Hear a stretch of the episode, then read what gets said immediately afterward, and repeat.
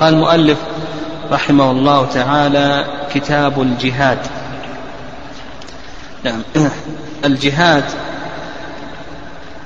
بعض العلماء يلحقه في العبادات كما هنا وبعض العلماء يلحقه في الحدود يجعله في آخر كتب الفقه. والأمر في هذا واسع لكن بعض العلماء يلحقه في العبادات لأن الجهاد هو أفضل العبادات البدنية. المشهور من مذهب الإمام أحمد رحمه الله أن أفضل العبادات البدنية هو الجهاد. وبعض العلماء يلحقه في الحدود لإخلاء العالم من الفساد. نعم لإخلاء العالم من الفساد. قال المؤلف رحمه الله تعالى كتاب الجهاد. الجهاد مصدر جاهد أي بالغ في قتل عدوه. مصدر جاهد أي بالغ في قتل عدوه. وأما في الاصطلاح فبينه النبي صلى الله عليه وسلم كما في الصحيحين لما سئل النبي صلى الله عليه وسلم عن الرجل يقاتل رياء ويقاتل حمية ويقاتل من أجل المغنم أي ذلك في سبيل الله؟ فقال النبي صلى الله عليه وسلم من قاتل لتكون كلمة الله هي العليا فهو في سبيل الله. فنقول الجهاد في الاصطلاح هو قتال الكفار من أجل أن تكون كلمة الله هي العليا. والأصل فيه القرآن والسنة والإجماع. يعني أما القرآن فقول الله عز وجل يا أيها الذين آمنوا هل أدلكم على تجارة تنجيكم من عذاب أليم؟ تؤمنون بالله ورسوله وتجاهدون في سبيل الله بأموالكم وأنفسكم. ذلكم خير لكم إن كنتم تعلمون إلى آخره. وأما السنة فسيأتينا إن شاء الله كثير من الأحاديث والإجماع قائم على ذلك. والجهاد جهادان. يعني الشيخ الإسلام تيمية رحمه الله يقول بأنه قال لك المؤلف وهو فرض كفاية. شيخ الإسلام تيمية رحمه الله يقول جنس الجهاد فرض عين على كل أحد. يعني عندنا الجهاد بمعناه العام والجهاد بمعناه الخاص. فالجهاد بمعناه العام هذا فرض على كل أحد. كل أحد عليه أن يجاهد بلسانه ويجاهد بيده ويجاهد بماله إلى آخره. يجاهد بالدعوة يجاهد بإقامة الواجبات ترك المحرمات هذا من حيث العموم. ولهذا قال شيخ الإسلام بأن جنس الجهاد هذا واجب على كل أحد لكن المقصود هنا في قوله فرض كفاية هذا الجهاد بمعناه الخاص. قال المؤلف رحمه الله فهو وهو فرض كفاية. هذا ما عليه جمهور أهل العلم أن الجهاد فرض كفاية. يعني والمقصود بذلك جهاد الطلب. أما جهاد الدفع فشيخ الإسلام غيره من أهل العلم. وكما سيأتي أن المؤلف رحمه الله تعالى ذكر المواضع التي يتعين فيها الجهاد. يكون الجهاد فرض عين. ومن ذلك آه، جهاد الدفع. يعني جهاد الدفع. إذا نزل العدو ببلده فإنه يكون فرض عين على كل يعني يكون فرض عين على كل أحد. يعني حتى النساء تجاهد بمالها. إذا لم تكن إذا لم تكن قادرة على الجهاد ببدنها فإنها تجاهد بمالها.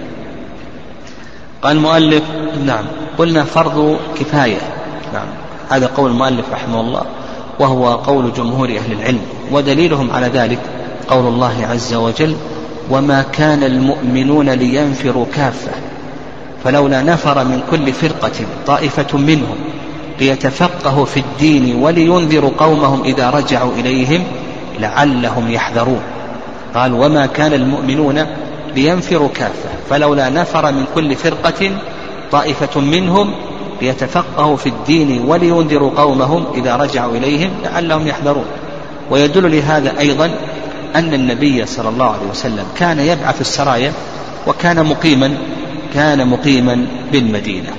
والرأي الثاني رأي سعيد بن المسيب رحمه الله أنه آه، على الأعيان أن لقول الله عز وجل انفروا خفافا وثقالا والصواب في ذلك نعم الصواب في ذلك هو ما ذهب إليه جمهور أهل العلم رحمهم الله تعالى.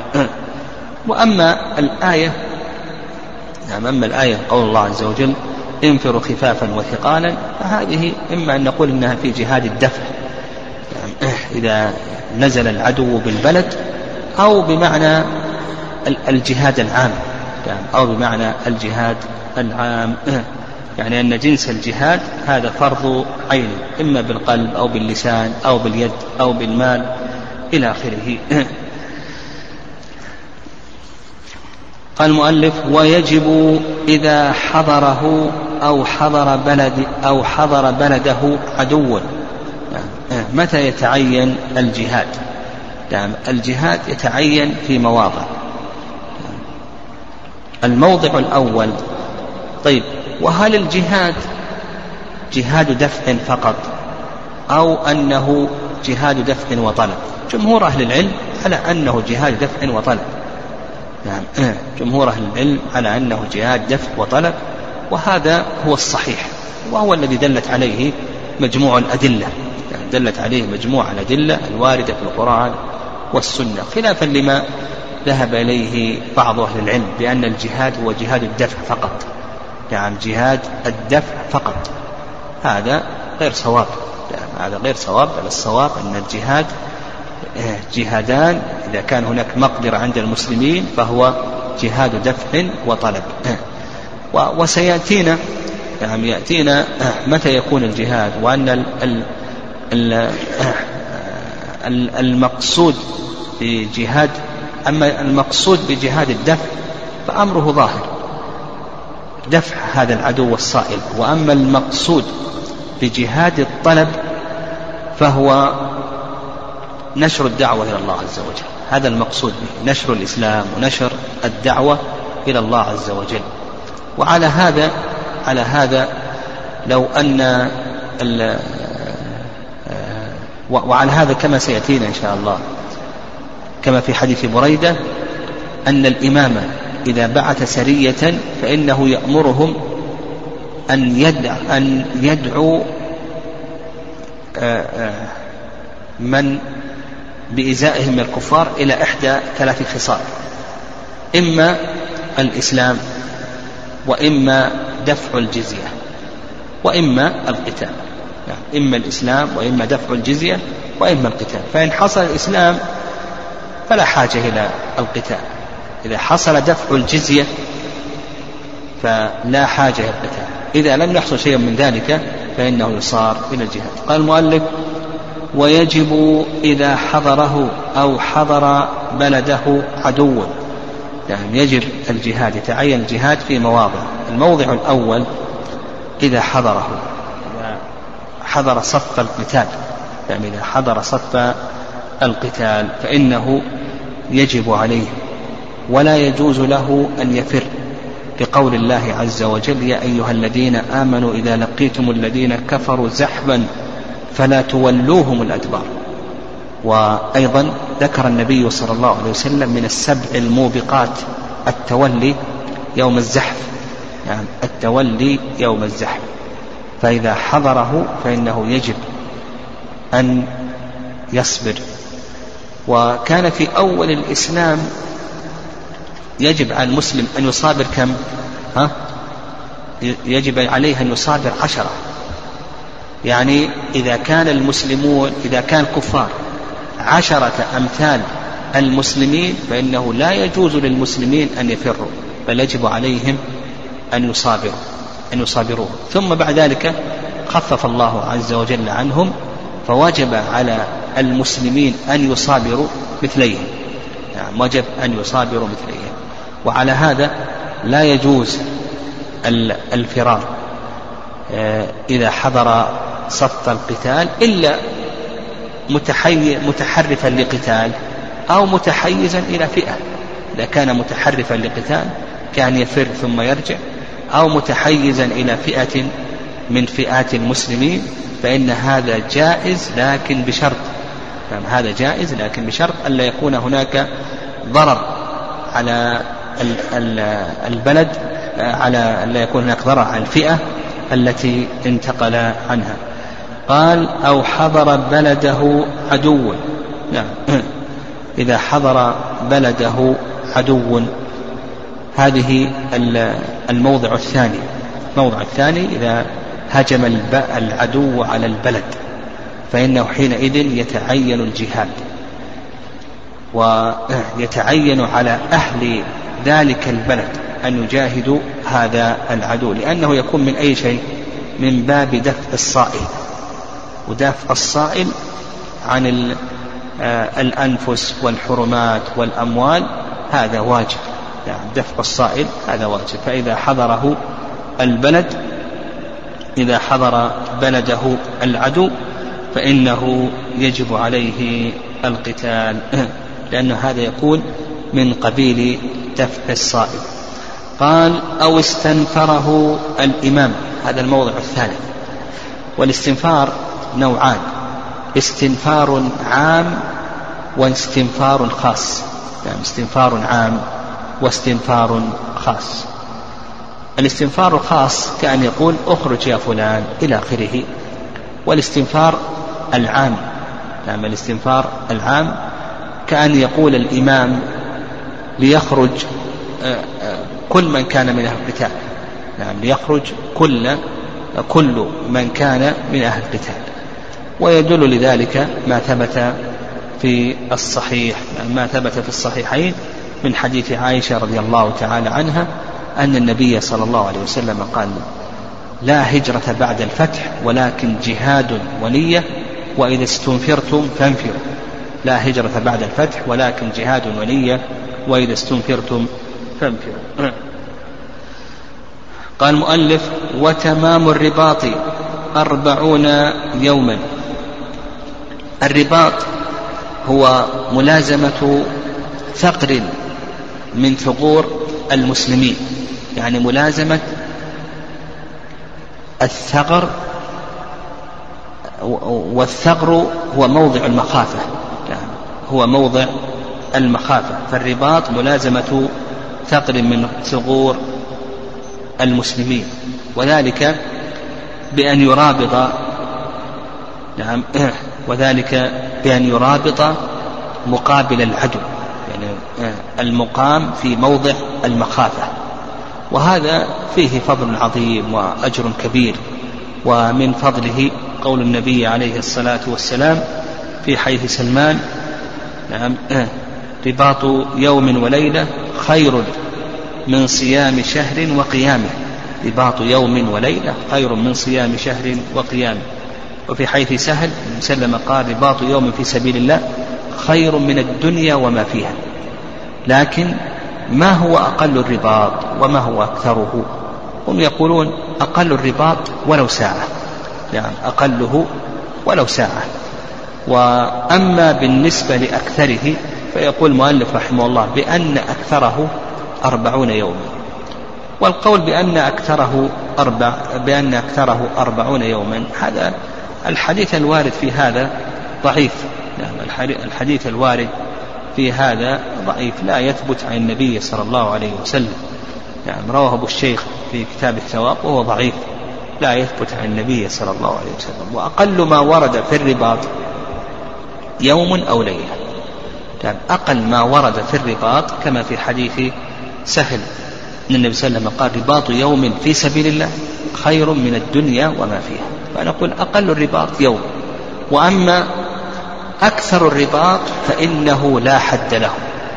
يقول أكثر الرباط نقول بأنه لا حد له. أقله يوم وأما أكثره فإنه لا حد له. والحديث الوارد في أكثرية الرباط هذا لا يثبت عن النبي صلى الله عليه وسلم. قال وإذا أكان أبواه مسلمين لم يجاهد تطوعا إلا بإذنهما الجهاد هذا يشترط له شروط. نعم يشترط له شروط. الشرط الأول أن يكون مكلفا يعني أن يكون بالغا عاقلا. وعلى هذا الصبي لا يجب عليه الجهاد. يعني بل ولا يشرع منه أن يجاهد. وكذلك أيضا المجنون ويدل ذلك حديث ابن عمر رضي الله تعالى عنهما أنه قال عرضت على النبي صلى الله عليه وسلم وأنا ابن أربع عشرة فلم يجزني في المقاتلة. وعرضت عليه وأنا ابن خمس عشرة فأجازني. فنقول الشرط الأول التكليف. الشرط الثاني الذكورة. وعلى هذا المرأة لا يجب عليها الجهاد. يعني المرأة نقول بأنه لا يجب عليها الجهاد. و وهذا بالاتفاق يعني هذا بالإجماع. وسبق لنا حديث عائشة رضي الله تعالى عنها أنها قالت قال النبي صلى الله عليه وسلم لما سئلت هل على المرأة من جهاد؟ قال عليهن جهاد لا قتال فيه الحج والعمرة. الشرط الثالث قال لك وإذا كان أبواه مسلمين لم يجاهد تطوعا إلا بإذنهما. هذا الشرط الثالث أن يكون نعم إذن الوالدين. الشرط الثالث إذن الوالدين.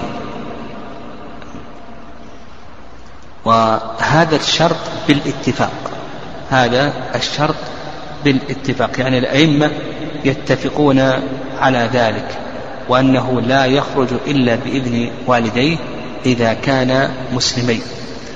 ويدل لذلك قول النبي صلى الله عليه وسلم كما في الصحيحين ففيهما فجاهد. قول النبي عليه الصلاة والسلام ففيهما فجاهد. لكن قال لك المؤلف رحمه الله مسلمين. يؤخذ من هذا أو يفهم من كلام المؤلف رحمه الله أنهما إذا كانا كافرين فإنه لا يشترط إذنهما. لأن الكافر لا يسعى لمصلحة المسلمين وإنما يسعى لمضرتهم وكثير من الصحابة رضي الله تعالى عنهم كانوا يخرجون للجهاد مع النبي صلى الله عليه وسلم وكان كان يعني كانت آباؤهم وأمهاتهم كانوا كفارا ومع ذلك لم يرد أنهم كانوا يستأذنونهم. نعم لم يرد أنهم كانوا يستأذنونهم وأيضا قوله مسلمين يفهم أو ظاهر ذلك سواء كان حرين أو كان رقيقين. يعني مسلمين سواء كان حرين أو كان رقيقين. أما إن كان حرين فالأمر في هذا ظاهر لكن إن كان رقيقين فهل يجب أن يستأذنهما؟ أو نقول بأنه لا يجب عليه أن يستأذنهما. هل يجب أن يستأذن الرقيقين أو نقول بأنه لا يجب عليه أن يستأذنهما؟ هذا موضع خلاف بين أهل العلم رحمهم الله تعالى. هذا موضع خلاف بين العلم والصواب في ذلك أنه يستأذن والديه حتى ولو كان رقيقين. سبق أن ذكرنا قاعدة وهي أن الأصل تساوي الأحرار والأرقة في الأحكام الشرعية إلا لدليل. الأصل تساوي الأحرار والأرقة في الأحكام الشرعية إلا لدليل. قال المؤلف رحمه الله تعالى طيب أي ذكر هذه كم من شرط؟ ذكرنا أربعة شروط أو ثلاثة؟ ثلاثة شروط. الشرط الرابع القدرة. يعني الشرط الرابع القدرة على الجهاد. نعم القدرة على الجهاد. أن يكون المجاهد عنده قدرة مادية وبدنية ويدل لذلك قول الله عز وجل ليس على الضعفاء ولا على المرضى ولا على الذين لا يجدون ما ينفقون حرج إذا نصحوا لله ورسوله. ليس على الضعفاء ولا على المرضى ولا على الذين لا يجدون ما ينفقون حرج. وأيضا قول الله عز وجل ليس على الأعمى حرج ولا على الأعرج حرج ولا على المريض حرج. فلا بد من القدرة. الشرط الخامس نعم الخامس. الشرط الخامس إذن المدين. نعم الشرط الخامس إذن المدين. إذا كان عليه دين. فهل يجب أن يستأذنه إذا كان عليه دين أو له أن يخرج وإن لم يستأذن صاحب الدين؟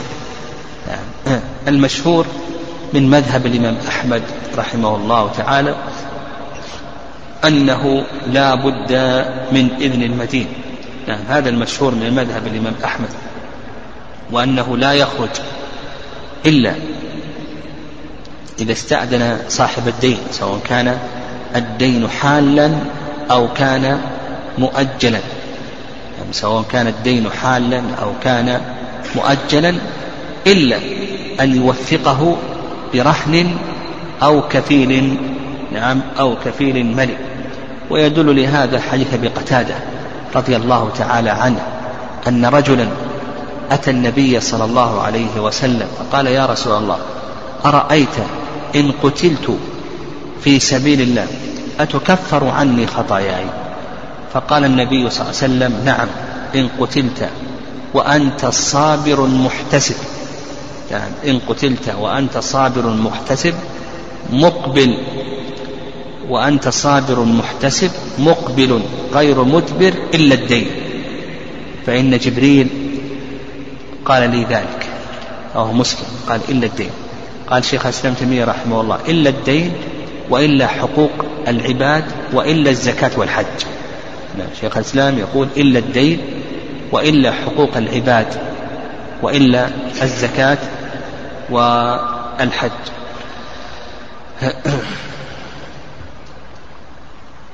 الرأي الثاني في المسألة نعم رأي الشافعية. الشافعية يقولون إن كان الدين مؤجلا فإنه لا يشترط الإذن وإن كان الدين حالا إن كان الدين حالا وله وفاء فلا بد من الإذن يعني إما أن يوفي أو يستأذن وإن كان معسرا لا يشترط الإذن. هم يقولون الشافعية إن كان الدين مؤجلا لا يشترط الإذن وإن كان حالا فإن كان له وفاء لا بد من الإذن وإن كان معسرا ها فإنه لا يشترط الإذن. طيب والشرط الأخير إذن الإمام الأعظم. نعم إذن الإمام الأعظم وهذا سيأتي في قول المؤلف رحمه الله تعالى ولا يجوز الغزو إلا بإذنه إلا أن يفجأهم عدو يخافون كلبه يعني يخافون شره. هذا سيأتي في كلام المؤلف رحمه الله تعالى. قال المؤلف رحمه الله ويتفقد الإمام جيشه عند المسير ويمنع المخدل والمرجع. يتفقد الإمام ويدل ذلك ما تقدم من حديث ابن عمر رضي الله تعالى عنهما. حديث ابن عمر رضي الله تعالى عنهما أنه قال عرضت على النبي صلى الله عليه وسلم. فهذا يدل على أن النبي صلى الله عليه وسلم كان يستعرض يعني يستعرض الصحابة رضي الله تعالى عنهم ومن يصلح للقتال ومن لا يصلح للقتال. فالإمام عليه أن يستعرض المقاتلين ويستعرض الآلات إلى آخره. وهذا التفقد هذا واجب. يعني هذا واجب. ويمنع المخدر المخذل هو الذي يخذل الناس عن القتال. نعم المخذل هو الذي يزهد الناس في القتال. نعم ويخذلهم عن القتال. والمرجف. نعم المرجف هذا هو الذي يحدث الرعب والإرجاف. في الصفوف. يقول آه، بالأمس قتل كذا وحصل كذا ونحو ذلك. يعني مما يوهن عزائم المجاهدين. فيقول لك يمنع المخذل وكذلك أيضا المرجع. نقف على النفل. يعني السؤال الأول يقول ما معنى قول النبي صلى الله عليه وسلم كل مولود مرتهن بعقيقته هذا فيه تفاسير للعلماء رحمهم الله وأشهر ذلك تفسيران. التفسير الأول ما ذكره الإمام أحمد رحمه الله. قال بأن قوله عليه, الصلاة والسلام مرتهن بعقيقته أي مرتهن عن الشفاعة لوالديه. هذا ما ذهب إليه أو ذكره عطاء وأخذ به الإمام أحمد رحمه الله تعالى. والرأي الثاني أن قوله عليه الصلاة والسلام مرتهن بعقيقته يعني أن العقيقة سبب لفك رهانه من الشيطان. لأن الشيطان حينما يولد الطفل فإنه يتسلط على المولود. ولهذا نعم ولهذا يطعنه في خاصرته. يعني يطعنه في خاصرته وتسلط عليه. فذبح العقيقة هذا من أسباب فك احتباسه من الشيطان.